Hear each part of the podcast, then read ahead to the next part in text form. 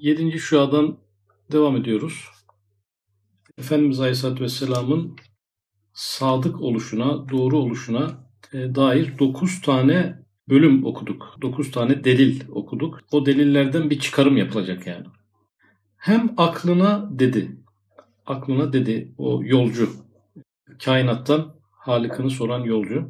Hem aklına dedi, madem bu mezkür dokuz hakikatler, yani önceki derslerde geçen dokuz hakikatler, bu zatın sıdkına şehadet ederler, doğruluğuna şehadet ederler.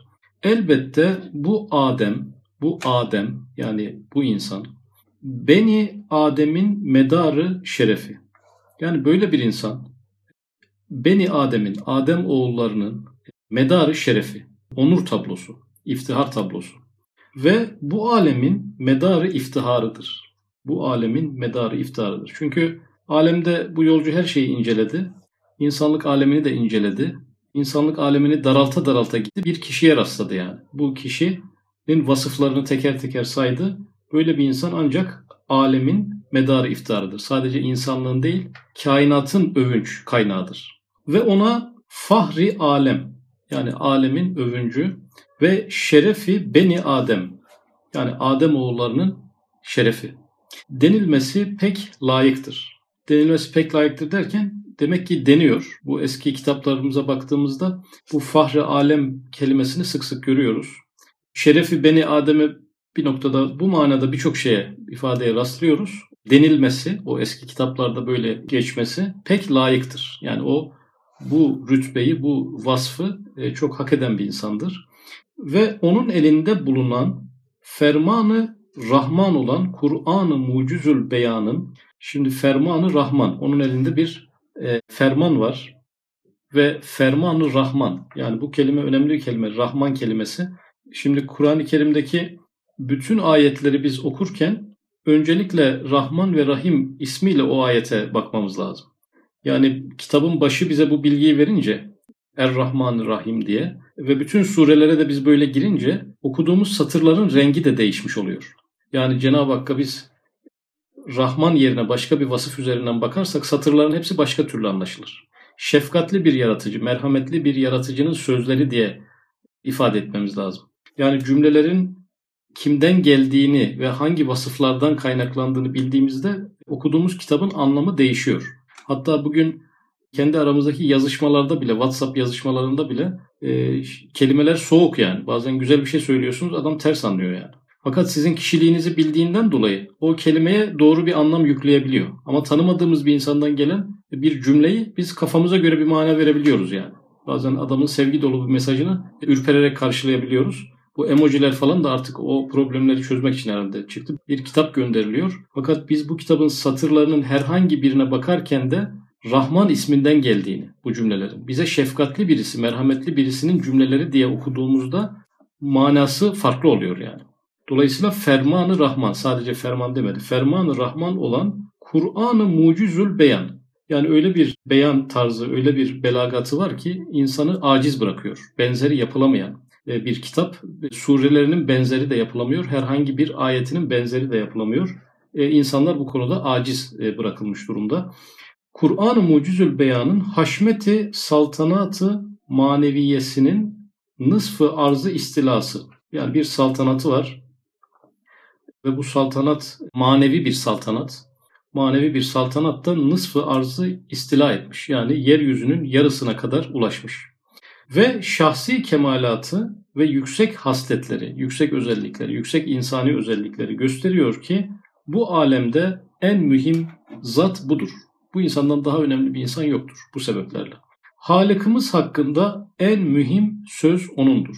En mühim söz O'nundur derken önceki bölümleri hatırlamak gerekir. Yani semaya sormuştu, bulutlara, yağmura sormuştu, yeryüzüne sormuştu, dağlara sormuştu. Hepsine mikrofonu uzatmıştı. Halık'ı tanımak için. Yaratıcınız nasıl bir yaratıcıdır diye sormuştu. Ama buradaki cümle hepsinden öne geçti. Halık'ımız hakkında en mühim söz O'nundur. Yani o Cenab-ı Hakk'ı bize nasıl tarif ediyorsa asıl meselemiz odur. Aradığımız cevap budur. İşte gel bak. Bu harika zatın yüzer, zahir ve bahir kat'i mucizelerinin kuvvetine. Mucizeler bahsi anlatılmıştı. e, Mucizat-ı Ahmediye de burada referans olarak gösterilmişti. Bir kitap olarak referans olarak gösterilmişti.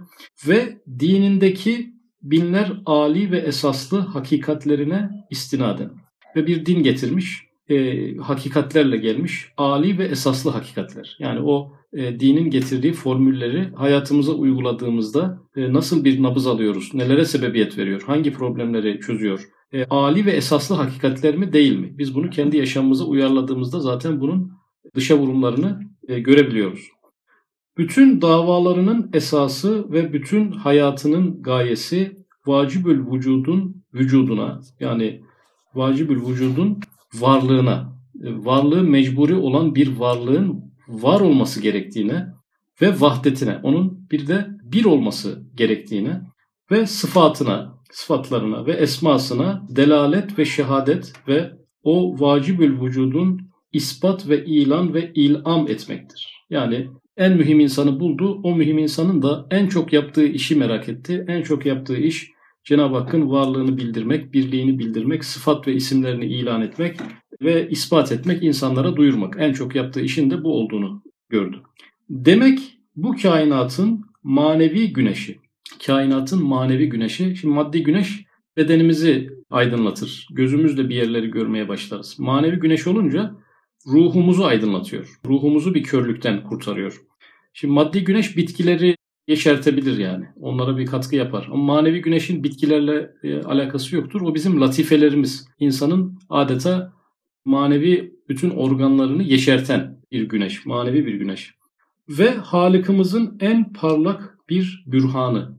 En parlak bir bürhan. Burada parlak kelimesine bir kestirme anlamı yükleyebiliriz. Yani diğer bütün incelediği aşamalarda biraz tefekkür kuvveti, biraz zihnimizi zorlamamız gerekiyordu yani. Fakat burada bütün hakikatler ayan beyan ifade edildiği için Efendimiz Aleyhisselatü Vesselam'ın dilinden e, parlak kelimesi geldi. Yani o kadar parlak ki Cenab-ı Hak bütün varlığı ve birliğiyle delilleri kelimelere döktürterek onun ağzından çıkarmış. E, tabiatı ve doğayı inceleyerek e, bulacağımız kavramları daha kısa yol bir şekilde bize ifade etmiş. En parlak bir bürhanı. Bu Habibullah denilen zattır. Allah'ın en sevdiği e, kulu Habibullah denilen zattır ki onun şehadetini teyit ve tasdik ve imza eden aldanmaz ve aldatmaz üç büyük icma var. Efendimiz Aleyhisselatü Vesselam Cenab-ı Hakk'ın varlığına ve birliğine ve sıfatlarına şehadet etmiş. Ama bu Risale e, çok sağlam giden bir Risale olduğu için bu şehadetin altına atılan imzaları da merak ediyor. Yani eşhedü en la ilahe illallah demiş. Bu ifadenin altına imza ve mühür ve teyitler gelecek. Üç tane e, büyük icmadan bahsediyor. Konsensüs yani üç tane topluluğun o getirilen hakikatlerin altına e, attığı imzalardan bahsedecek. Üç tane topluluk. Baştan söyleyeyim biraz harita daha rahat olsun diye. Bu topluluklardan birisi Ehli Beyt olacak. Bir diğeri sahabe-i kiram olacak. Bir diğeri de e, ulema-i İslam olacak, alimler olacak. Yani bu üç tane topluluğun e, imzalarının o şehadete de bir ayrı bir şehadet derinliği kazandırdığı ifade edilecek. Tabii bu aldanmaz ve aldatmaz kelimesi de önemli. Yani bu üç topluluğun da e, ortak özelliği nedir? Bu üç topluluğun aldatmama gibi bir özellikleri var. Kimseyi aldatmıyorlar yani. İkincisi de aldanmaz bir özellikleri de var. Yani kandırılamayan, böyle bir yalancı bir hakikatin peşinden koşturulamayacak derecede ferasette insanlar. Birincisi eğer perde-i gayb açılsa yakinim ziyadeleşmeyecek diyen İmam-ı Ali radıyallahu an. Şimdi 7. Şua gibi bir büyük bir metinde bazı insan isimleri geçiyor artık. Yani peygamber olmadığı halde e, bu seviyede bir iki insan ismi geçiyor. Bunlar da başta İmam Ali Efendimiz radıyallahu anh ve cümlesi şu cümle perde-i gayb açılsa yani bu hakikatler artık ayan beyan görülse e, yakinim ziyadeleşmeyecek. Allah'a imanım artmayacak. Yani nasıl bir iman seviyesine gelmişse alemi şahadet ona o kadar çok bilgi sağlıyor ki Cenab-ı Hakk'ın varlığıyla, birliğiyle ve onun yakinini öyle çok arttırıyor ki şu, şu bizim gördüğümüz zahir alem. Zahirden hakikate demek ki o kadar hızlı geçiyor ki bu zahir alem kaldırılsa, alemi şehadet kaldırılsa, yerine alemi gayb şu an gösterilse, e, meleklerdi, cinler, kıyamet sahneleri hepsi gözümüzün önüne getirilse Hazreti Ali Efendimiz benim imanımda bir artma olmaz diyor yani.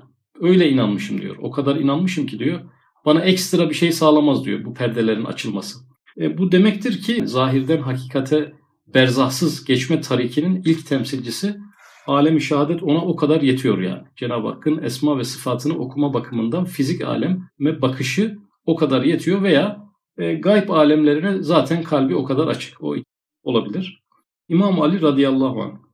Ve yerdeyken arş-ı azamı ve İsrafil'in azameti heykelini temaşa eden Gavs-ı Azam, Kuddise-i Sirruh gibi keskin nazar ve gaybin gözleri bulunan binler aktap ve Evliya-i Azime-i Cami ve Ali Muhammed namıyla şöhret şiarı alem olan cemaati nuraniyenin icma ile tasdikleridir. Şimdi Ehli Beyt'ten bahsediyoruz. Efendimiz Aleyhisselatü Vesselam'ın mübarek soyu, e, ailesi, e, oradan başlayan ama öncelikle Hazreti Ali Efendimiz'den başlayan bir çizgide e, ikinci bir isim anıldı. Gavs-ı Azam. Burada Abdülkadir Geylani Hazretlerine e, e, yer ayırdı 7. şuada. Çok özel bir risalede, insan ismi pek geçmeyen bir risalede bir insan ismi geçiyor. Bu artık Ehli Beyt'ten bir insan e, ama belki arada biraz mesafe var Abdülkadir Geylani Hazretleri. Biraz bu derste bir Hazreti Abdülkadir Geylani'den bahsetmek istiyorum. Şimdi tarihini hatırlamak önemli bence. 1077'de doğmuş. Hazar Denizi'nin güneybatısındaki Gilan eyalet merkezine bağlı Neyf köyünde doğmuş. Ee, anne tarafından Hazreti Hüseyin'e dayanıyor. Baba tarafından da Hazreti Hasan'a dayanıyor. Yani sadece bir yönden değil de iki yönden hem Hazreti Hasan'a hem Hazreti Hüseyin'e dayanıyor. Şimdi hadis, tefsir, kıraat, fıkıh ve nahiv ilimlerinde hepsinde inkişaf etmiş, e, ders okutacak seviyeye gelmiş, vaaz vermeye başlamış artık. Fakat bir süre sonra bütün bunları bırakarak inzivaya çekilmiş. Yani bütün İslami ilimlerde günümüzün tabiriyle diyelim yani profesör seviyesine geldikten sonra bütün dersleri bırakmış. İnzivaya çekilmiş. Bir insan ne kadar inzivaya çekilir? Hani 10 gün mü, bir ay mı, bir yıl mı? Hayır, 25 yıl inzivada kalmış. 25 sene. 25 senenin sonunda da şöyle bir söz vermiş. Demiş birisi beni kendi eliyle yedirmedikçe yemek yemeyeceğim demiş. Yani yemek yememe süresini böyle belirlemiş. Hani riyazat ehli ama biri beni eliyle yemek yedirmediği süreye kadar süreyi böyle belirlemiş. Fakat nefsinden sesler gelmeye başlamış bir 40 e, gün sonra 40 gün sonra nefsi konuşmaya başlamış yani. Açım açım diye normal bir insan gibi konuşmaya başlamış. Fakat buna rağmen Abdülkadir Geylani Hazretleri üstün bir dayanma gücü göstermiş ve e, onu da iptal etmiş. Yemeyeceğim demiş. Fakat yine mutasavvıf Ebu Sad el Muharrimiye bu hal manen bildirilmiş. O da Hazreti Abdülkadir Geylani'yi alıp evine götürerek eliyle doyurmuş. Daha sonra da kendisine şeyhlik hırkası giydirmiş. Şeyhlik hırkası e, o uzun açlık döneminden sonra e, böyle bir meselede gelmiş. E, Bağdat'a gitmiş arkadaşlar. Şafi mezhebinden bir kişi olmasına rağmen e, bir rüyadan dolayı Hanbeli mezhebine girmiş. Yani Ahmet bin Hanbel, Abdülkadir Geylani Hazretlerinin rüyasına girmiş ve e, Hanbelilik mezhebinin zayıf olduğunu, katılımcılarının az olduğunu, böyle giderse e, bu mezhebin artık tarihte kalmayacağını e, rüyasında Abdülkadir Geylani'ye söylemiş. Abdülkadir Geylani Hazretleri de e, bunu bir emir telakki etmiş. Hanbelilik mezhebini canlandırmak için Hanbeli mezhebine girmiş ve bütün gücüyle o mezhebi ihya etmeye çalışmış. Yaşadığı dönemde de Hanbelilerin imamı olmuş. E, bundan dolayı da kendisine Muhyiddin deniliyormuş. Muhyiddin dini ihya eden. Yani o mezhebi ihya ettiği için Muhyiddin ismini oradan almış. Abdülkadir Geylani Hazretlerinin tasavvufu dinin zahiri hükümlerine titizlikle bağlı olmayı gerektiriyor. Buna dayanıyor. Kur'an ve hadislere uygun hareket etmeyi şart koşuyor. E, dini ölçülerin dışına taşan tasavvufu kabul etmiyor Abdülkadir Geylani Hazretleri. Şimdi 1127'de ilk defa vaaz vermeye başlamış ve birkaç kişiye ders veriyormuş sadece. Fakat cemaati giderek arttığı için medrese dar gelmeye başlamış. Babül Halbe'deki bir camiye mevzuyu taşımış. Açık havada verdiği vaazlarını 70 bin kişi dinliyormuş yani. 70 bin. Fakat arka saflardaki insanların ön saftakiler kadar sesini net işitmeleri. Abdülkadir Geylani Hazretleri'nin çok keramet var. Bunlardan biri de bu. Vaaz verdiği yerde günümüzdeki mikrofon varmış gibi düşünmeyin. Çıplak sesle vaaz veriyor. 70 bin kişiye vaaz veriyor. En arkadaki adam da en öndeki kadar net duyuyormuş. Ben de bu aldığım notları bizim yazıcıdan yazdırdım. Bizim yazıcı böyle 5-6 satırda bir tanesini silik çıkarıyor. Neredeyse 5-6 aydır öyle. Yani silik çıkarmadığı bir sayfa yok. E, ilk defa bütün sayfayı net çıkardı yani. Bastırdığım kağıtta hiç silik satır. Şu 4-5 aydır yazıcıdan ilk defa böyle bir şey alıyorum. Abdülkadir Geylani ile ilgili notlar da onlarda. Karşılaştığı kimseleri hemen tesiri altına aldığı için e, Bazullah demişler. Allah'ın şahini. El Bazül Eşşep demişler. Avını kaçırmayan şahin. Bu kendisine verilen ünvanlardan karşılaştığı kimse hemen tesiri altına giriyor. Tabi e, çok menkıbeleri olduğu için e, o dönemin başka din mensupları e, İslam'ı kabul etmiyoruz ama Abdülkadir Geylani'yi de inkar etmiyoruz diyorlarmış yani. O dönem onlar da şahit olduğu için. Şimdi Yunus Emre biliyorsunuz önemli bir isim. Yunus Emre de şöyle bir cümle kullanmış. Seyyah olup şu alemi arasan Abdülkadir gibi bir er bulunmaz demiş. Seyyah, biz de Halik'ın kainattan sonra bir seyyahı konuşuyoruz ya seyyah. Yunus Emre de adeta sanki 7. şuaya nispet eder gibi seyyah olup şu alemi arasan 7. şuanın mantığı buydu zaten. Abdülkadir gibi bir er bulunmaz demiş. Şimdi Abdülkadir Geylani karşılaştığı kimseleri kokusundan tanıyormuş seviyesini, mertebesini. Koku alemi, kokuyla ilgili bir keramet açılmış ona da yani. İnsanların kokusu, her insanın öyle yanlış anlamayın ter kokusu gibi değil yani. Özel, kendine has nasıl parmak izi varsa her kişinin kendine has özel bir kokusu. Dolayısıyla Ricalül revaihtendir demiş Muhittin İbn Arabi bu ifadenin sahibi. Abdülkadir Geylani Ricalür revaih kokular rica, koku adamları. Böyle tasavvufta böyle koku adamları varmış. Onlardan biri olduğunu söylüyor. Son olarak metnimize döneceğim ama Abdülkadir Geylani Hazretlerinin oğlu Abdurrezzak'a yaptığı vasiyet, vasiyetin maddelerini okuyacağım. Çünkü Abdülkadir Geylani Hazretlerinin görüşlerinin özeti sayılıyor. Kitaplarındaki görüşlerinin özeti sayılıyor vasiyetnamesi. Abdülkadir Geylani Hazretleri vasiyetinde oğluna dinin emir ve yasaklarına titizlikle uymasını, takva sahibi olmasını öğütledikten sonra tarikatının kitap ve sünnet üzere bina edildiğini, gönül huzuru, cömertlik, cömertlik çok önemliymiş burada, bol sadaka verme, bol sadaka verme, her türlü zorluğa katlanma, demek ki zorluğa katlanma da bu tarikatın bir özelliği, ee, ihvanın sıkıntılarına yardımcı olmanın bir de ihvan yani tarikattaki o kardeşlerin e, sıkıntıları olabilir. Ekonomik sıkıntılar olabilir, ailevi sıkıntılar olabilir, sağlıkla ilgili sıkıntılar olabilir, psikolojik sıkıntılar olabilir. Onlara yardım etmek de o tarikatın aslında seyri sürük yöntemlerinden biri. İhvanlarına yardımcı olmak. Tarikatın esasları olduğunu söyler. Daha sonra tasavvufun 8 özelliği olduğunu belirterek bunları yani tarikatının 8 özelliği seha, seha cömertlik, rıza, sabır, işaret, gurbet, yünlü giymek, seyahat ve fakr olarak sıralar. Bunların her birinin bir peygambere ait bir özellik olduğunu söyler. Kadiriye'nin yani Kadiri tarikatının beş temel kuralı e, var. Himmeti yüceltmek. Yani sürekli himmeti yüceltmek. Haramdan sakınmak ikincisi. Hizmeti güzelleştirmek. Yani bir hizmet yapılıyor ama Hazret güzelleştirilmesinden yana. Yani böyle gelişi güzel yapılmasını istemiyor. Azmi arttırmak, sürekli azmi arttırmak ve nimete saygı göstermek. Ve diyor ki himmetini yükseltenin derecesi yükselir, haramlardan sakınanı Allah korur, hizmeti güzelleştirenin keramet sahibi olması icap eder. Şimdi şöyle verilen bir hizmet düşünün. Hani tekkeye eğri odun sokmamak diyelim yani.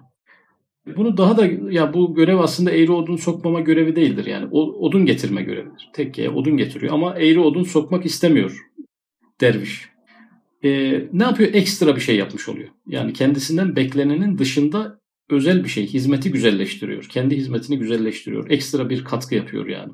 Kerametle ne ilgisi var? Çünkü keramet de Cenab-ı Hakk'ın ekstradan bir lütfudur. Yani fizik yasalarını aştırarak yaptığı ekstra bir şey olduğu için. Yani hizmetinde ekstra bir şey yapana Cenab-ı Hak da fizik yasalarını aşan ekstra şeyler lütfediyor. Biz bunlara keramet diyoruz. Abdülkadir Geylani Hazretleri de demiş ki hizmeti güzelleştirenin keramet sahibi olması icap eder. Kerametle hizmetini güzelleştirmek arasında bir bağlantı kurmuş. Azmini arttıranın hidayeti sürekli olur. Nimete saygı gösteren ona şükreder, şükredenin de nimeti artar demiş. Biraz böyle Abdülkadir Geylani Hazretleri Risale-i Nur'da sık sık geçiyor. Hep ismen bahsediyoruz. Kısa da olsa bir bilgi vermek için bu konuya girdim. Şimdi kaldığımız yerden devam ediyoruz. İkincisi bedevi bir kavim, ümmi bir muhitte hayatı içtimaiyeden ve efkarı siyasiyeden hali, yani bu sefer de sahabe toplumundan bahsedecek. Önceki halleri itibariyle bedevi bir kavim, ümmi bir muhit, hayatı içtimaiyeden yani sosyal hayattan ve efkar siyasiyeden, siyasi fikirlerden e, uzak. Yani diğer görüş ve düşüncelerin ve inançların etkisine girmemiş. Bakir kalmış bir topluluk. Ve kitapsız, ellerinde bir kitap yok. Ve Fetret asrının karanlıklarında bulunan, bir de Fetret var orada zaten, dünyada bir karanlık var yani. Ve pek az bir zamanda en medeni, en malumatlı ve hayat-ı içtimaiyede ve siyasiyede en ileri olan milletlere ve hükümetlere üstad ve rehber ve diplomat ve hakimi adil olarak şarttan garba kadar cihan pesendane yani dünyaya meydan okurcasına idare eden ve sahabe namıyla dünyada namdar olan cemaati meşhurenin ittifakla can ve mallarını, peder ve aşiretlerini feda ettiren bir kuvvetli imanla tasdikleridir. Bu aldanmaz ve aldatmaz ikinci topluluk, meşhur bir topluluk, dünyada bilinen bir topluluk sahabe. Ve sahabe efendilerimiz ittifakla canlarını da mallarını da peder ve aşiretlerini de feda edecek seviyeye gelip dünyaya muallim, öğretmen, üstad, diplomat olarak, hoca olarak yetişmişler. Hangi toplumda? En kapalı, e, kültürlerden en uzak, bedeviyetin içerisinde bir topluluktan dünyaya öğretmen, eğitmen, ahlak öğreten, edep öğreten bir topluluğun bir de kısa zamanda çıkması. Bu özel topluluğun tasdikleri de yine Efendimiz Aleyhisselatü Vesselam'ın bir tasdiği. Yani talebesine bak hocasının ne olduğunu anlarsın manasında.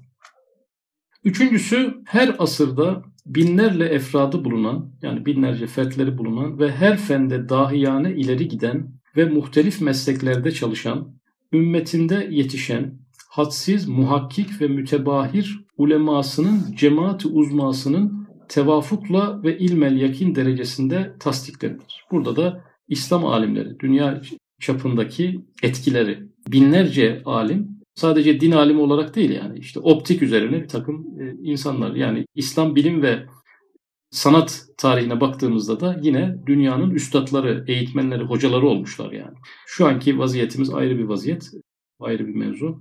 Demek bu zatın vahdaniyete şahadeti şahsi ve cüz'i değil belki umumi ve külli ve sarsılmaz ve bütün şeytanlar toplansa karşısına hiçbir cihetle çıkamaz bir şehadettir diye hükmetti.